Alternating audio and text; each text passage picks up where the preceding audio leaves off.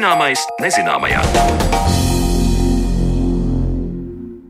Esiet sveicināti raidījuma zināmais nezināmajā, un Sandra Kropa kā jau ierasts šajā laikā kopā ar jums, un šodien, lai parunātu par bioloģisko daudzveidību un konkrētāk par to, kā Latvija un Eiropa bioloģisko daudzveidību sargās turpmāk. Kā Latvijā, tā arī citvietā Eiropā šobrīd top svarīgi dokumenti, kam būtu jālīdz saglabāta dabas daudzveidība, ko tie paredz un kā labos nodomus īstenot un kas arvien apdraud dabas daudzveidību. Par to visu šodien runāsim raidījuma otrajā daļā. Taču pirms tam stāsts par kādu īpašu muzikālu dzīvās dabas priekšnesumu, kas vasaras otrajā pusē dzirdams īpaši labi. Staigājot pa pļavu, ir diezgan tipiski dzirdēt kukaiņu radītās melodijas, un tikpat ierasti ir teikt, ka sisina sienāža. Patiesībā kukaiņu saima, kas rada dažādas skaņdarbus, ir krietni plašāka, un sienāža noteikti nav vienīgie. Turklāt atsevišķas dziesmas dzirdēsim dienas un naktas stundās, bet atpazīt dziesmu autors varētu būt īsts izaicinājums. Mana kolēģe Mariona Baltkalna noskaidroja, ko tad šobrīd varam dzirdēt, dodoties dabā.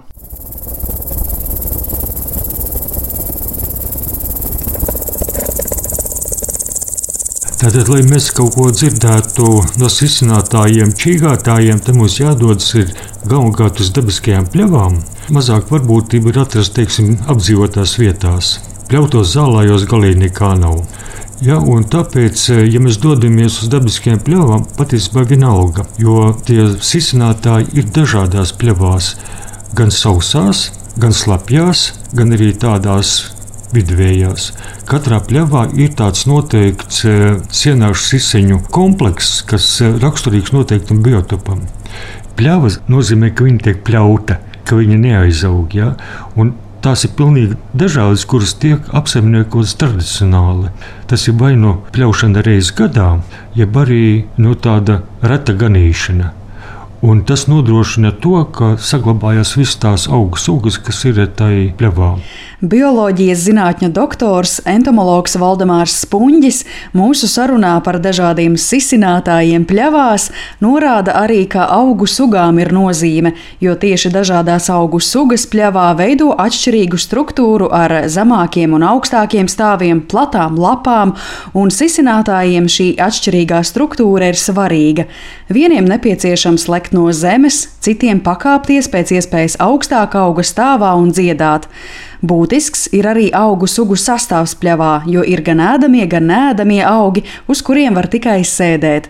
Par vislabākajiem sisinātāji atzīst graudzāles. Entomologa pieminētie sienāži un siseņi sistemātikā pieskaitāmi taisnas pārņu kārtai, un šajā kārtā sastopami vēl citi muzicētāji. Turpina Voldemārs Puņģis. Tātad taisnspārņi ietver eh, vairākas tādas pazīstamas grupas. Tie ir sienāži, siseņi, zemesvēzes, circenis.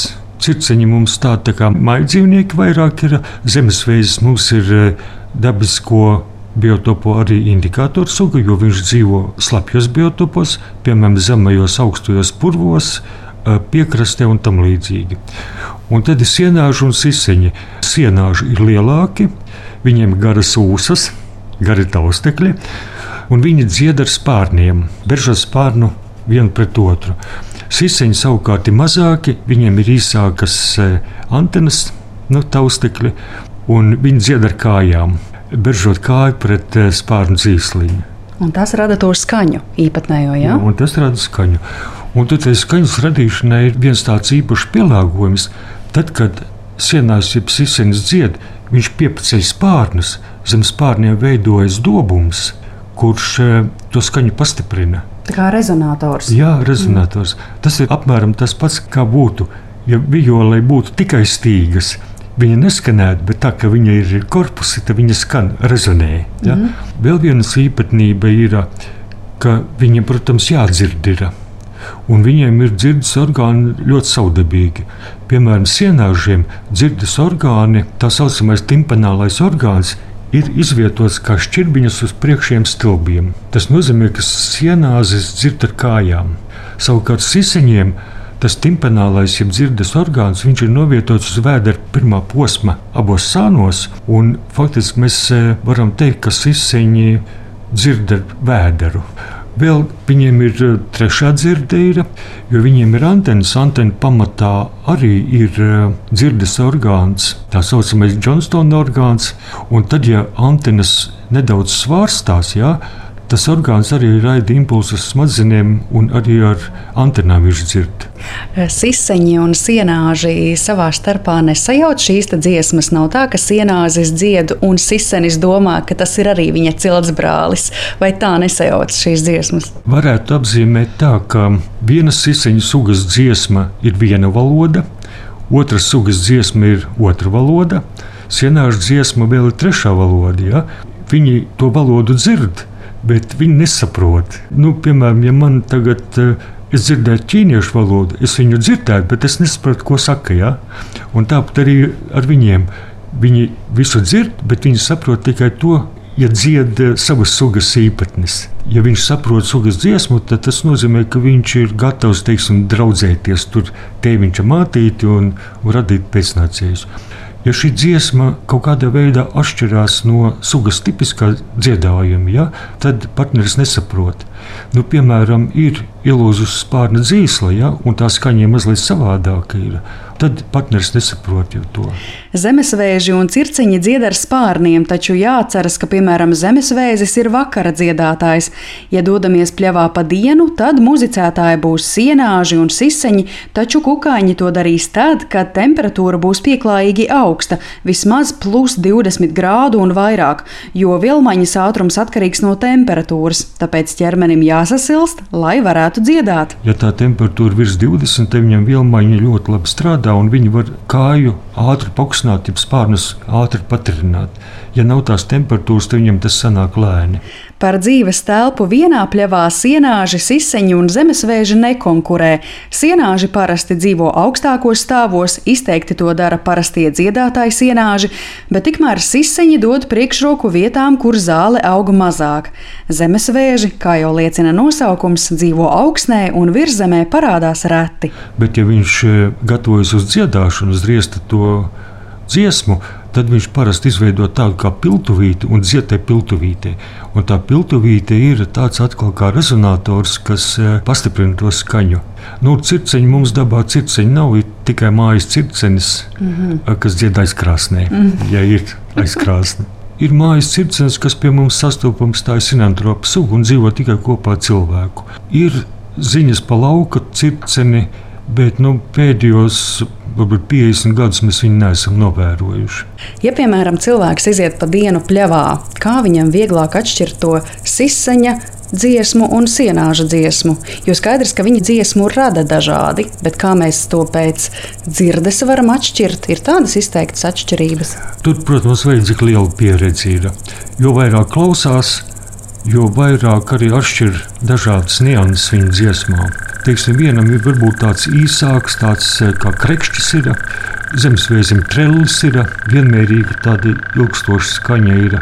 Un senāžiem siseņiem tas eh, skaņas radīšanas princips ir vienāds. Ir vai nu kāja vai dzīsliņa, uz kuras ir zobiņi, un ko berzē pret citu dzīsliņu. Tas ir apmēram tāpat kā mēs ar zīmolu braukāt pa ķemmi.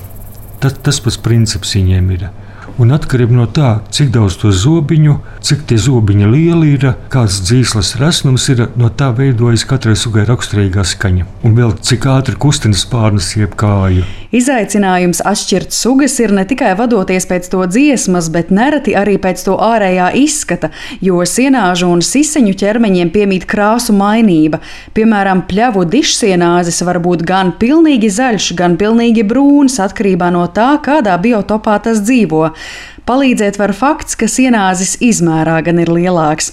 Tomēr ir speciālisti, kas patiešām nosaka sugas pēc to radītās dziesmas. Kā tas notiek, stāsta Valdemārs Spunģis. Dziedošam sienāzim sisenim pieliek jūtīgi mikrofonu, ieraksta viņa dziesmu, un tad uh, dziesmu pārvērš uh, attēlā, respektīvi uztaisa oscilogrammu, un tad pēc šīs oscilogrammas var noteikt uh, sugu. Jo katrai sugai šī oscilogramma tie skaņas viļņu ieraksti jā, ir e, individuāli. Skaidrs par šiem taisnības pārņiem, bet es saprotu, ka bez sienāžiem, sisaņiem, zemesvēžiem un mājas apstākļos circeņiem vēl ir citi sisinātāji. Cikādas sisina, lai gan tie nav taisnības pārņi. Jā, nu cikādas ir atsevišķa kukaiņu kārta. Cikādas ir eh, ļoti sīki kukainīši.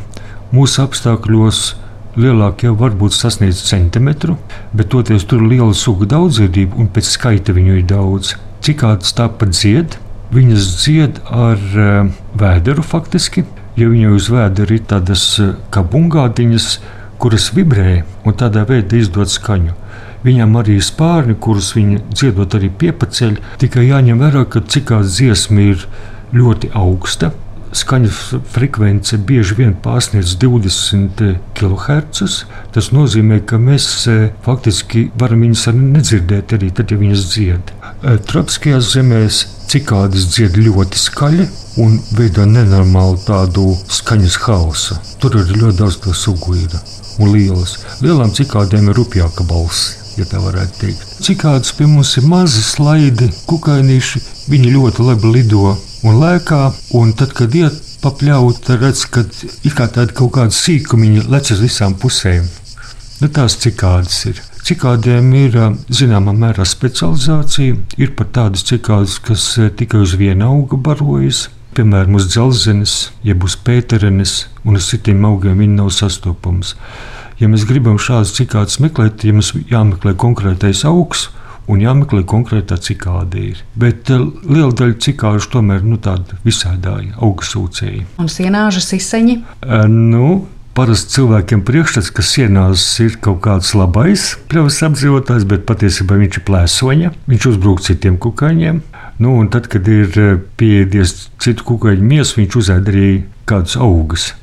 Bet eh, siseņi savukārt ir eh, tīrie vegetārieši. Protams, atkal ar izņēmumiem, jo, piemēram, klejotājs izsens, kas pareizi ieklīst Latvijā, viņš arī ir varbūt kanibāls. Sīsiņi, protams, ir tropiskajās zemēs ļoti liela problēma. Bet Latvijā taisnspārņi, ieskaitot arī paratam ieklejošo klejotāju siseņu, nav problēma. Latvijā ir vairāk nekā 40 taisnspārņu sugu un vairāk nekā 200 cikāžu sugu, un katrai no tām ir sava dziesma. Sisinātāji sastopami visas Latvijas teritorijā, bet atsevišķas sugas dzīvo specifiskos biotopos, piemēram, purvu sisenis mīt tikai purvā, bet pārkšķis, kas dzied lidojumā, atrodams pie jūras zemienē.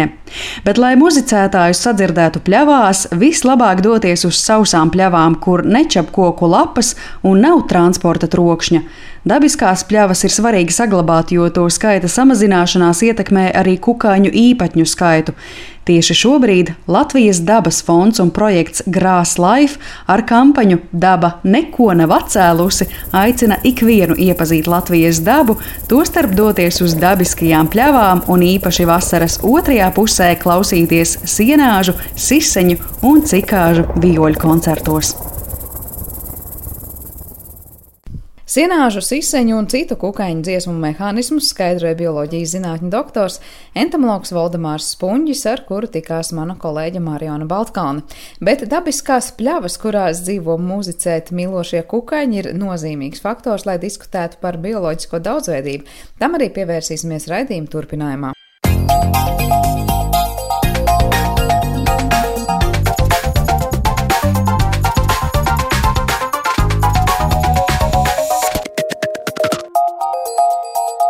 Zināmais nezināmajā.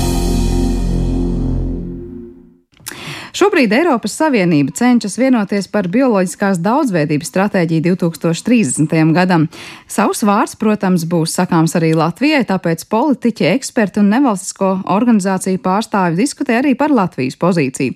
Gan par vidas politiku, gan arī visu to fonu, kas šobrīd nu jau aizvien vairāk pieprasa aktīvu rīcību, lai dabas daudzveidību saglabātu. Runāsim arī mēs šodien raidījuma atlikušajā daļā, un tāpēc pie mums studijā šodien ir Pasaules dabas fonda direktors Jānis Rozīts. Labdien! Labdien! Es saprotu, ka Pasaules dabas fonds jau nu gan aktīvi iesaistās visās šajās politiskajās debatēs. Var teikt, kurā posmā mēs šobrīd īsti atrodamies un kā īsti izskatāmies? Jā, nu mēs šī dokumenta attīstībai sekojam gan Eiropas līmenī, gan, protams, tas ir liels notikums arī pasaulē. Un, protams, mēs arī skatāmies Latvijā, kā dokuments attīstās, kāda ir Latvijas pozīcija, kāds ir noskaņojums Latvijā nu, dažādām interešu grupām. Nu, pašreiz ir situācija tāda, ka komisija ir sagatavojusi stratēģiju, un šis dokuments ir pieejams var teikt, caurskatīšanai, lasīšanai, dažādām interešu grupām, komentēšanai, vietējās nu, valsts valdību pozīciju veidošanai. Un, nu, kopumā mēs varētu vērtēt, kaut gan nu, vidas nevalstiskās organizācijas noteikti skatās, ka dokuments varētu būt pilnvērtīgāks dažādi detalizētāk atbildot uz dažādiem jautājumiem, bet nu, kopumā mēs varam teikt, ka tas ir solis, nepārprotams, solis pretīm uh, kaut kādā līmenī krīzes risinājumiem saistībā ar, nu, ar bioloģiskās daudzveidības izušanu pasaulē. Nav tā, ka tā izušana krietni ātrākiem soļiem notiek un notiks, un savukārt arī šī stratēģija nu, ir solis, bet pārāk mazs solis. Nu, jā, nu, pasaulē situācija šobrīd ir diezgan, nu, es gribētu teikt, sarežģīta saistībā ar bioloģisko daudzveidību. Nereti zinātnieki norāda par to, ka tā pat ir lielāka problēma nekā klimata pārmaiņu šī krīze. Par šo krīzi un par šo nopietnību norāda ne tikai vides, dabas speciālisti, interešu grupu aizstāvji, bet arī par to norāda nu pat jau biznesi un ekonomisti jau plašāk lūkojoties. Piemēram, Pasaules ekonomikas fórums norāda, ka bioloģiskās daudzveidības šī izzušana ir top 5 uh, problēma nākamajā desmitgadē. Un gan šis fórums, gan OECD vērtē bioloģiskās daudzveidības izzušanu un ar, ar to saistītās blaknes, nu, es gribētu teikt, simtiem miljardi vērtībā, kas varētu būt tuvākajos gados zaudējumi saistībā ar šo problēmu un um, risinājumu meklējumiem. Tātad mēs varam teikt, protams, šī bioloģiskā daudzveidība izzūd. Tāpat līdzīgi kā klimata jautājumiem, mums jāsaprot, eh, ja visi cilvēki vienādi domātu par labu, kā risināt šo problēmu, tas būtu daudz vienkāršāk, un mēs varētu vienoties un nospraust indikatorus, mērķus, visu darīt. Tur atlikt tikai zinātniekiem diskutēt, kā to ātrāk un efektīvāk darīt, bet jāsaprot, ir, ka nepārprotami ir dažni dažādas interešu grupas, kas ir pret uh, jebkādu risinājumu meklējumiem. Līdz ar to šīs sarunas vienmēr notiek ļoti, ļoti lēni. Tas, kas ir starpvaldību sarunas. Un arī šajā gadījumā nu, var piekrist uh, apgalvojumam, ka uh, nu, iespējams jā, krīze ir ātrāka nekā šobrīd Eiropas Savienība gatava kustēties, bet tomēr nu, soļi ir.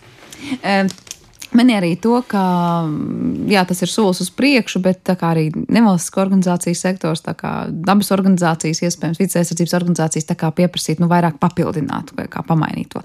Kādas ir tās galvenās iebildes?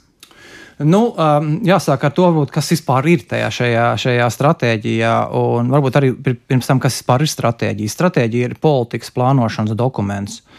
Un jautājums ir tālāk, kā šī stratēģija tiek tulkota turpmākos soļos.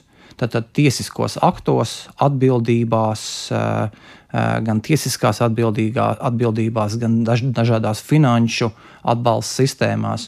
Jo stratēģija, ja stratēģija vienkārši nosaka virzienu, kur iet, kāda bija iepriekšējā bioloģiskās daudzveidības aizsardzības stratēģija Eiropas Savienībā. Arī tur ir kā mērķi viss kārtībā. Bioloģiskās daudzveidības izzušana jāsamazina, mums ir jāsargā no nu, biotopi putni, jādomā par tīru gaisu, augsni, ūdeni Bet, ja mēs apskatāmies tos rādītājus, kas šobrīd ir, tad mēs varam teikt, tā, ka desmit baļu sistēmā par iepriekšējās stratēģijas izpildi mēs labāk gadījumā varētu likt viens vai divi punkti. Jo, nu, un tos punktus mēs varētu dot nevis par to, kas izdarīts, bet vairāk par to, ka šis mazs šajā desmitgadē ir bijušas nopietnas sarunas, kā virzīties tālāk ir mēģinājumi kaut ko ieviest, zinātniski pētīt, eh, spēlēties ar datiem un domāt, kā to pārnest dabā. Nu, tas nav tikai Eiropa, to mēs arī Latvijā redzam.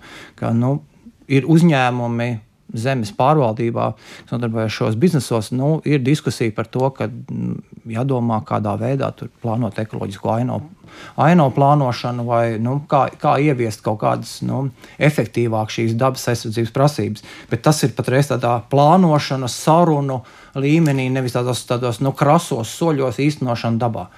Tad sanāk, par iepriekšējo stratēģiju runājot, tas viennieks vai divnieks ir par to, kā mēs viņu pielietojam, kā mēs viņu, var teikt, ka mēs esam sapratuši, ka bioloģiskā daudzveidība izzūd par šo laiku. Desmit gadu laikā nevis, bija, ja, ja iepriekš bija pateikts arī, ka tas viss ir, jāie, ir jāaptur, ir jāievieš šīs direktīvas, un direktīvas vairs nav strateģiskais dokuments, direktīva jau ir tiesisks akts.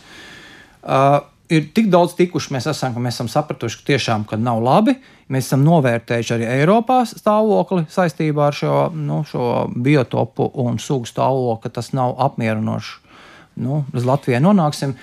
Bet tad, tad ir saprasts, ka nav labi, un ir, ir, ir, mēs esam nonākuši pie tā, ka vajadzētu labāk kaut ko darīt. Bet jautājums, piemēram, ja būtu tagad jāvērtē, vai atskatoties pagātnē, tā iepriekšējā stratēģija nav tā, ka varbūt arī tur likās, nu, uz papīra jau esam gana sapratuši, bet ar to ieviešanu tur tas vieninieks mums ir sanācis, ka šo varētu būt atkal līdzīgi.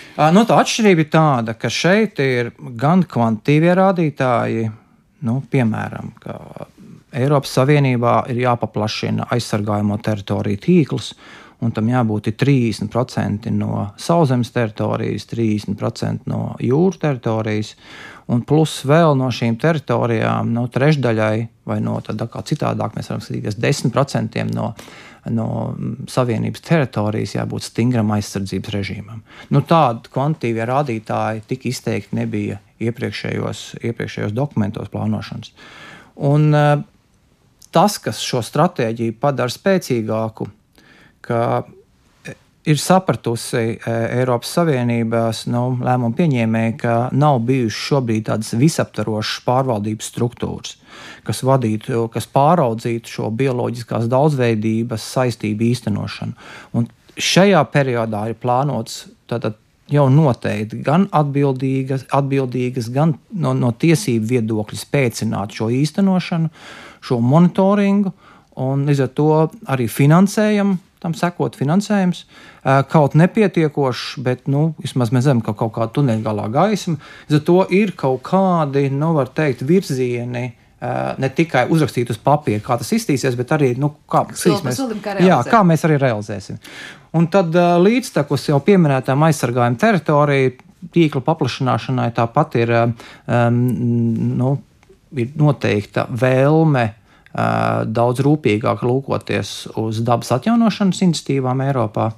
Nosakot, ka nu, šie biotopi ir jāatjauno. Tur, protams, vēl būs diskusija, ko tas nozīmē, un tur vadlīnijas vēl sekos. Tas būs 20. gada, šī gada beigas, 21. gads, kas šo stratēģiju pavadīs ar virkni dokumentiem, kā, ko kā īstenot. Tā skaitā arī šo dabas atjaunošanu. Tāpat ir noteikts, ir, kad nepieciešama, piemēram, lauka ainavā, nu, es gribētu teikt, lauksaimniecības zemēs 10% eh, nodrošināt šos dabas elementus. Tāpat eh, šī bioloģiskās daudzveidības stratēģija pateikusi, ka 25% no, um, no šī lauksaimniecības izmantotām zemēm uh, būtu jānovirza bioloģiskai lauksaimniecībai. Nu, Līdz ar to tāda jau skaitlis, skaitlis lietas. konkrētas lietas. Vai tās 10% vai 20% tās piedāvātās, uh, piedāvātie risinājumi ir pietiekoši, lai mēs to dabas daudzveidību saglabātu? E, zinātne, protams, uh, netieši vai tieši norāda, ka tas, ne, tas ir un būs nepietiekoši. Bet Nu, es gribētu teikt, tāds mazais mierinājums būtu jāskatās, kas no tā visa, kas no šiem skaitļiem, kas, kas tur būs. Jo šobrīd ir virkne aizsargājuma teritorija. Ja mēs paskatāmies eh, eh, nu, gan Latvijā, gan Eiropā, kas, ko mēs varam dēvēt par tādiem papīra parkiem. Proti, ir aizsargājuma teritorija, bet aizsargājumā teritorijā tāpat var lietot pesticīdus vai minerālmēslus, var eh, mež, mežā var lietot kailcirts, un mēs nonākam vai arī intensīvas izlases cirts Un, un labi domājot tajā mieklī, kā dot zemes īpašniekiem iespēju rīkoties aizsargājumā teritorijā, kā strādāt. Nu, un tie dabas cilvēki tajā mieklī domājuši saskaņā ar dabu, bet praksē šie zemes īpašnieki to pārprot, un, protams, viņiem saglabājas šī saimnieciskā prioritāte. Un nosakot, piemēram, mežā, kad drīkst cirst nu, izlases sirds, nevis kailcirds, tas vēl nenozīmē, ka šajā aizsargājumā teritorijā nu, šī vieta paliek bioloģiski nozīmīga arī pēc šīs izlases sirds īstenošanas. Tur ir knifi daži, dažādi izpratnē, zināšanās un vēlmēs saprast, ka tā aizsargājumā teritorija ir kaut kāds mērķis. Un, un, un sekojot šim mērķim, būtu jāsaimniekotais laukos un tajos mežos. Jā, un vēl arī dažkārt saka, mums ir nesaistītas šīs teritorijas, proti, tāda tā kā koridori, lai viņas būtu savstarpēji saistītas, tas kuras arī netiek tas ir vēl, izmantots. Protams, tas ir vēl cits, un, un te, te ir tie 10%, un arī par to piemin šī stratēģija, ka tajos 10% iespējams būtu, būtu jāvirza uz, uz šo koridoru nodrošinājumu. Vēl viena tāda apņemšanās interesanta ir 3 miljārdu koku iestādīšana Eiropas um, Savienības teritorijā nākamajā desmitgadē.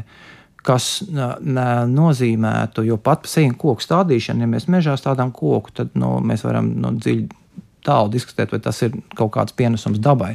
Tas ir bieži tāds saimnieciski interesi. Ja zemes īpašnieks izvēlās stādīt kokus, nocērtot no nu, meža skailcirtē, tas ir tāds, nu, lai nodrošinātu savu kaut kādu ekonomisko interesi. Bet savukārt, ja mēs to darām nu, kaut kādā pilsētas vidē, ja mēs to darām pārdomāti, veidojot koridorus, ainava ekoloģijā, ja mēs to darām, lai atjaunotu kaut kādu, nu, mm, es gribētu teikt, pagātnē sabojātu nu, dzīvotni, biotopu, tad pēc būtības mēs varam kaut kādē to, to teikt, ka tas nodrošina bioloģisko daudzveidību. Kaut kāda jēga no tā būs. No, no tā jēga būs. Līdz ar to tās iniciatīvas ir. Jautājums, nu, vai atkal nebūs vēlme šīs iniciatīvas, kurām, protams, sekos kaut kāda finanšu atbalsta nenovirzīt uz privāto interesi, nevis uz šo publisko interesi, dabas mērķu sasniegšanu. To var kaut kā ietekmēt, kontrolēt, nepieļaut.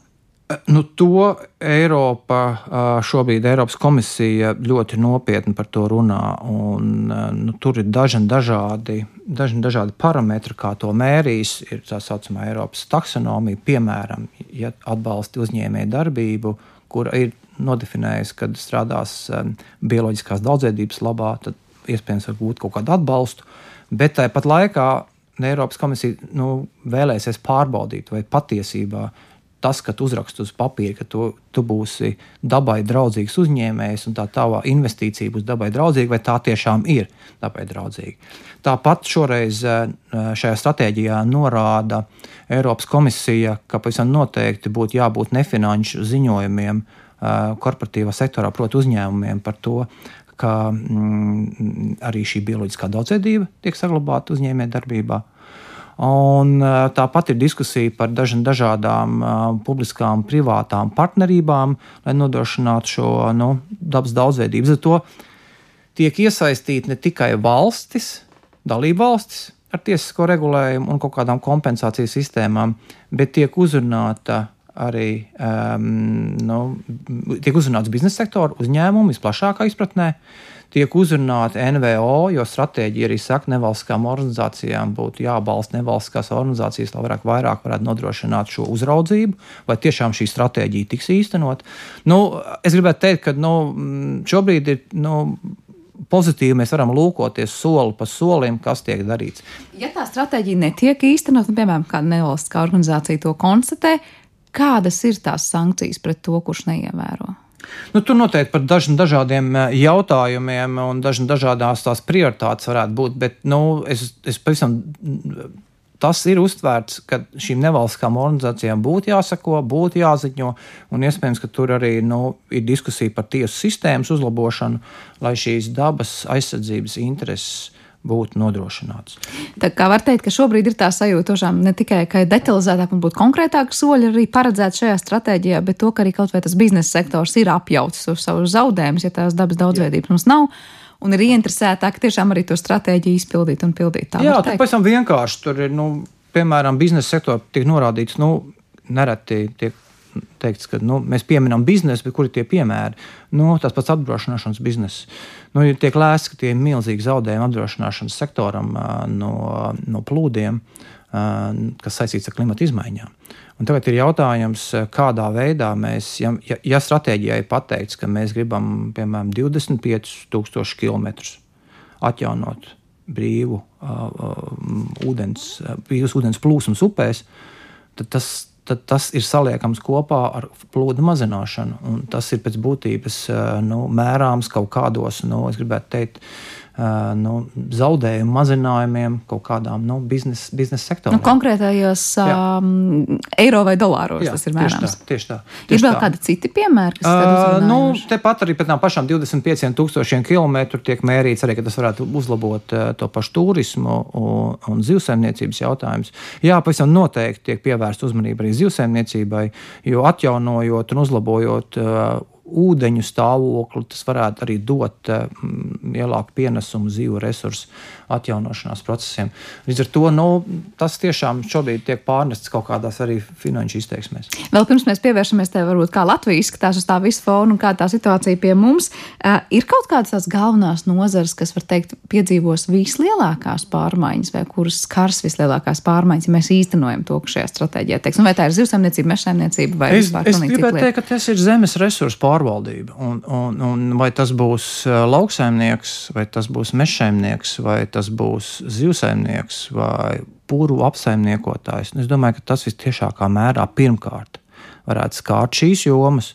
Pēc tam, protams, arī šeit ir minēts, ka būtu jādomā par um, zaļajiem plāniem pilsētas attīstībā virs 20 tūkstošiem uh, iedzīvotāju. Un tas nozīmē, ka tur varētu attīstīties arī jau kaut kāda um, nekustamā īpašuma at, attīstība, ar celtniecība, um, ceļu būvniecība. Protams, tās lietas nu, tik tieši netieši skārtas, bet pirmkārt, es domāju, tas ir kaut kāda sasaiste ar zemes resursu pārvaldību.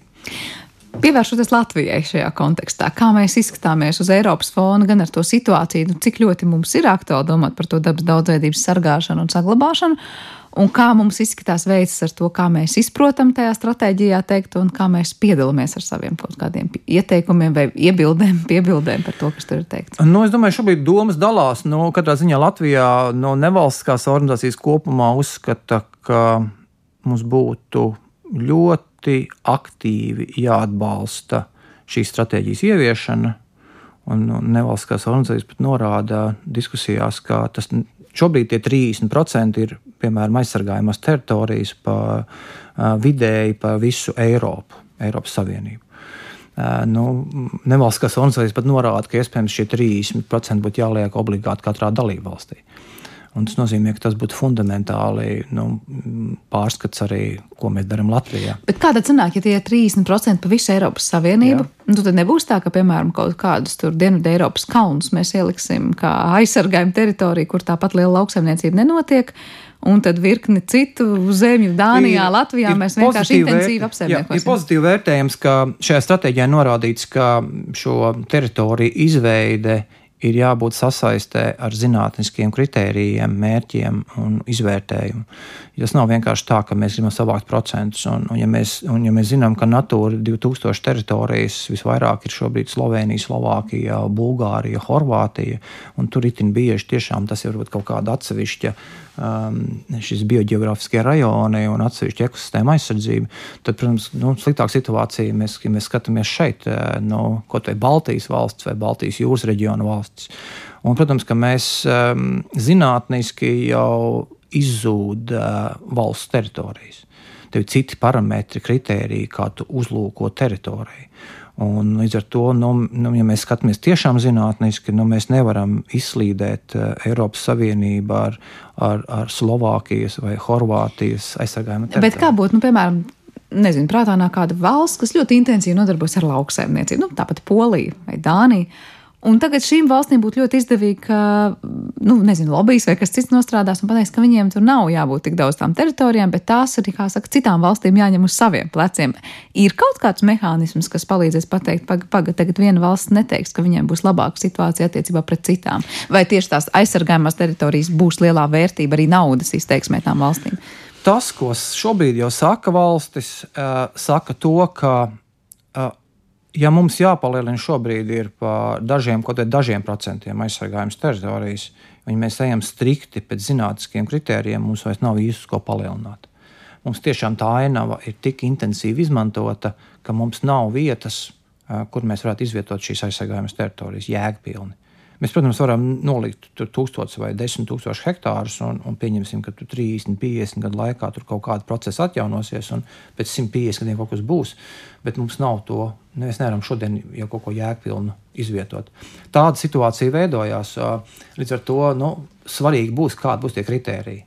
Ja tie būs tādi klasiski Natūra 2000 kritēriji, kas nu, ir jau pietiekami ar kaut kādu augstu latiņu, tad tās būs grūtības. Jautājums, ko šobrīd izprotot šo situāciju, ko tad pēc būtības Eiropas komisija, nu, kas tiks piedāvāts, kādi tiks piedāvāti šie, šie principi, kritēriji, no kuriem mēs varam uzlūkot, ka tā ir bioloģiski augstvērtīgāka teritorija nekā kaut kas ārpusē. Līdz ar to, nu, protams, mēs varam domāt, ka nu, var kaut kāda Dānija vai, vai, vai Beļģija vai, vai, vai kaut kāds atsevišķs valsts var norādīt par to, ka tas, tas tās ir grūtības. Kuras būs Latvijā tās, nu, nezinu, tas jautājums lokus, par kur varētu būt visasākās diskusijas, vai visgrūtāk panākt kaut kādu vienošanos? Kā? Nu, ja mēs skatāmies Latviju, tad gribētu teikt, ka nu, mums, protams, ir viens ir, nu, jautājums, ko tas x procentos, ko mēs saucam par aizsargājumu teritorijām, ko mēs tur ieskaitām. Un vai mēs tur ieskaitām arī visas mūsu ūdens aizsargjoslas, piemēram, un pūru aizsargjoslas, pūru salas vai mēs skaitām tikai īpaši aizsargāmās dabas teritorijas plus mikroliegumus. Ja mēs skaitām īpaši aizsargāmās dabas teritorijas plus mikroliegumus, tad mums, mums fundamentāli jāpalielina šis apjoms, gribētu teikt, no dubultā. Ja mēs redzam, ka mēs varam kaut kā atsijāt šīs citas vēl zonas, joslas, Un iespējams, tas prasīsies mums pārskatīt, ko mēs tajās zonās vai joslās darām. Nu, mums, mums, ja mēs gribam jēgpilni šo stratēģiju ieviest Latvijā, mums būs jāpaskatās ne tikai uz procentiem, bet arī uz saturu. Jo procent, runāt par procentiem ir politiski. Politiska tāda, nu, es gribētu teikt, diskusija, nevis zinātnieku diskusija. Līdz ar to, nu, es domāju, mums jāsaprot, ko mēs saturiski aizsargājam, cik mēs stingri aizsargājam, un vai ir tam kaut kāds pienesums, kā mēs darām šobrīd, un kāda būs jāizskatās nākotnē. Un es domāju, ka nu, pieņemsim, viens ir šie procenti, bet otrs ir, ja šie tiešām mums jābūt 10% no valsts teritorijas stingri aizsargātiem, tur nu, mēs tālu grēkojam. Tur mums šobrīd ir apmēram 3,5%.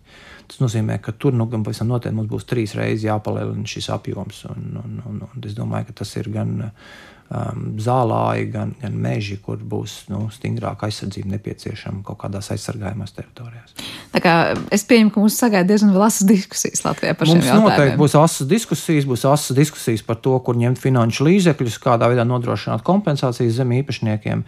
Jautājums, cik mēs būsim godīgi šajā finanšu resursu sadalē, jo gal galā nu, šie finanšu resursi visticamāk lielākā daļa tā būs no, nu, no Eiropas atbalsta finansējumiem.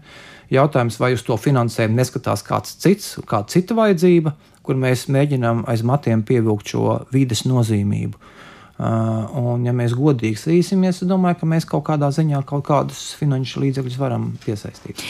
Noslēdzot šo sarunu, nu, parasti ir tas aspekts, ko arī daudz skeptiķi piesauc. Nu, kāda jēga daudz ko izdarīt vienā mazā salīdzinoši globālā nozīmē Eiropas Savienībā, un neesam jau tie lielākie grēkāži šeit. Uh, Kā tas ir no vienas puses, cik liela nozīme ir tam, ko mēs un kā sakārtojam Eiropā, un kā mēs uz ko virzāmies, cik ilgspējīgi mēs esam. Un no otras puses, nu, var jābūt no otras, nu, jā, mēs paši jūtam jau to efektu, tepat, kur mēs dzīvojam. Mums tie plūdi ir vai nav, un kāda starpība, vai tur Uganda vai, vai Ruanda dara ko līdzīgu vai nedara. Jā, ja mēs skatāmies bioloģiskās daudzveidības saglabāšanu, mums tiešām ir divi lieli virzieni. Viens ir, kā tu pārvaldi savu teritoriju, savu valsts teritoriju, savu īpašumu, nu, tas, par ko mēs šobrīd runājām, aizsargājumās teritorijas, cik tas ir um, labi pārvaldītas, kādi ir atjaunošanas projekti, ko mēs darām ārpus aizsargājumām teritorijām, jo tikai ar aizsargājumu teritoriju nepietiks. Jautājums būs, cik zaļa vispār būs lauksaimniecība vai mežsaimniecība. Bet cits vēl ir pēc būtības, ko mēs patērējam, ko mēs ikdienā velkam mugurā, ko mēs ēdam, ko mēs dzeram. Un šeit iestājās ļoti nopietni jautājumi mums jau par tirzniecību starp Eiropas Savienību un citām valstīm. Kāda ir Eiropas Savienības attieksme starpvaldību līgumos? Un vai to mēs pērkam Krievijas vai Baltkrievijas preces, vai ejam tālāk vēl uz Amazoni, kur šobrīd ir nu, es pieņemu, ka tuvāko desmit gadu laikā ir gaidāms krahs, ka šis Amazonas baseins var nu, pēc būtības var sabrukt. Tieši dēļ cilvēku ietekmēm, tieši dēļ tā, ka šīs valstis ražo produkciju Eiropas tirgumu. Un tur tāds slavens starptautisks līgums, saucamais Merkuzora līgums, kas ir starp Eiropu un Dienvidamerikas valstīm, proti Argentīna, Brazīlija, Urugvaja, Paragvaja. Un tur atklāti sakot, šī ilgspējība un šie vidas kritēriji līdzinējā versijā ir ļoti vāji. Šis Tirdzniecības līgums vēl nav apstiprināts. Uh, tas apstiprināšanā no kaut kādā stadijā pagājušajā vasarā, un tagad ir dažādu dalību valstu vēl diskusijas, bet tur, no nu, atklāti sakot, vide ir ļoti vāji pārstāvēta. Šajā stratēģijā tiek uztverts, ka Eiropas Savienība vajadzētu striktāk cīnīties uz, um, uz produktiem, kas ir ražoti transformējot meža zemes. Uh, bet nu, sīsimies, kā tas tulkosies kaut kādos starpvaldību līgumos. Jo, jo, jo, ja mēs atbalstam Brazīlijas, nu, šo, tāpēc šo līgumu sauc par uh, lopi pret uh, automašīnām. Proti, uh, Eiropā eksportē mašīnas un saņem um, lopu, ga, lielopu gaļu. Un pēc būtības, un ne tikai nu, mēs zinām, palmeļus un kas tik, kas tik nē, kas pēc būtības veidojās šajā transformācijas, meža transformācijas teritorijās. Līdz ar to, nu, Mēs mazliet melosim. Mēs mānīsimies Eiropas Savienību kopumā, ja mēs teiksim, ka nu, šī daba ir tikai mums jāsakārto mājas, un mēs neko nedarīsim turpmākajā desmitgadē saistībā ar šo ievadumu, produktu ievadumu Eiropā. Un, un jācer, ka mēs pie tā nepaliksim. Bet es ļoti tāpēc arī iedzīvotāji un katrs klausītājs, nu, viens tas, kā es savu īpašumā sargāju, kā es savu īpašumā saimniekoju un kā es sargāju dabu, bet otrs, kas man uz galda, kas man ir mugurā. Jā, aicinājums domāt plašāk. Es domāju, tā varētu nosaukt noteikti to, par ko runā arī šī stratēģija. Nu, lūkosim, kāda tā būs. Un 30. gads jau nemaz nav aiz kalniem, ja mēs skatāmies tādā Pavisam politikas ne. plānošanas kontekstā. Patiesībā ļoti, ļoti īstermiņa jau var teikt mērķi. Paldies par šo sarunu. Latvijas Pasaules dabas fonda direktors Jānis Rozīts šodien pie mums viesojās raidījuma zināmais nezināmajā studijā. Par to parūpējās producents Armīta Kalāte, mūzikas redaktors Girds Bišs šajā stundā un no Armīts bija pie skaņu pults. Mēs tiekamies jau atkal rīt. Visu labu!